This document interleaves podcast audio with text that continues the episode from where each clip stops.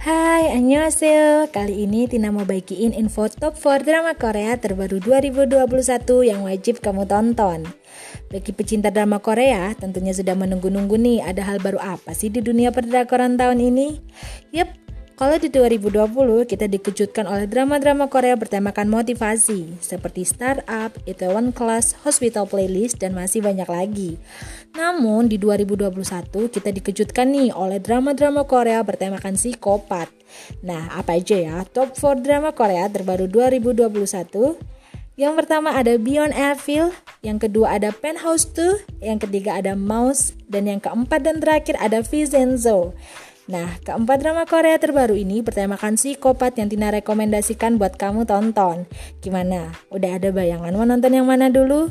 Siapin cemilan kalian dan selamat menonton! On Radio, Korean music and inspiration.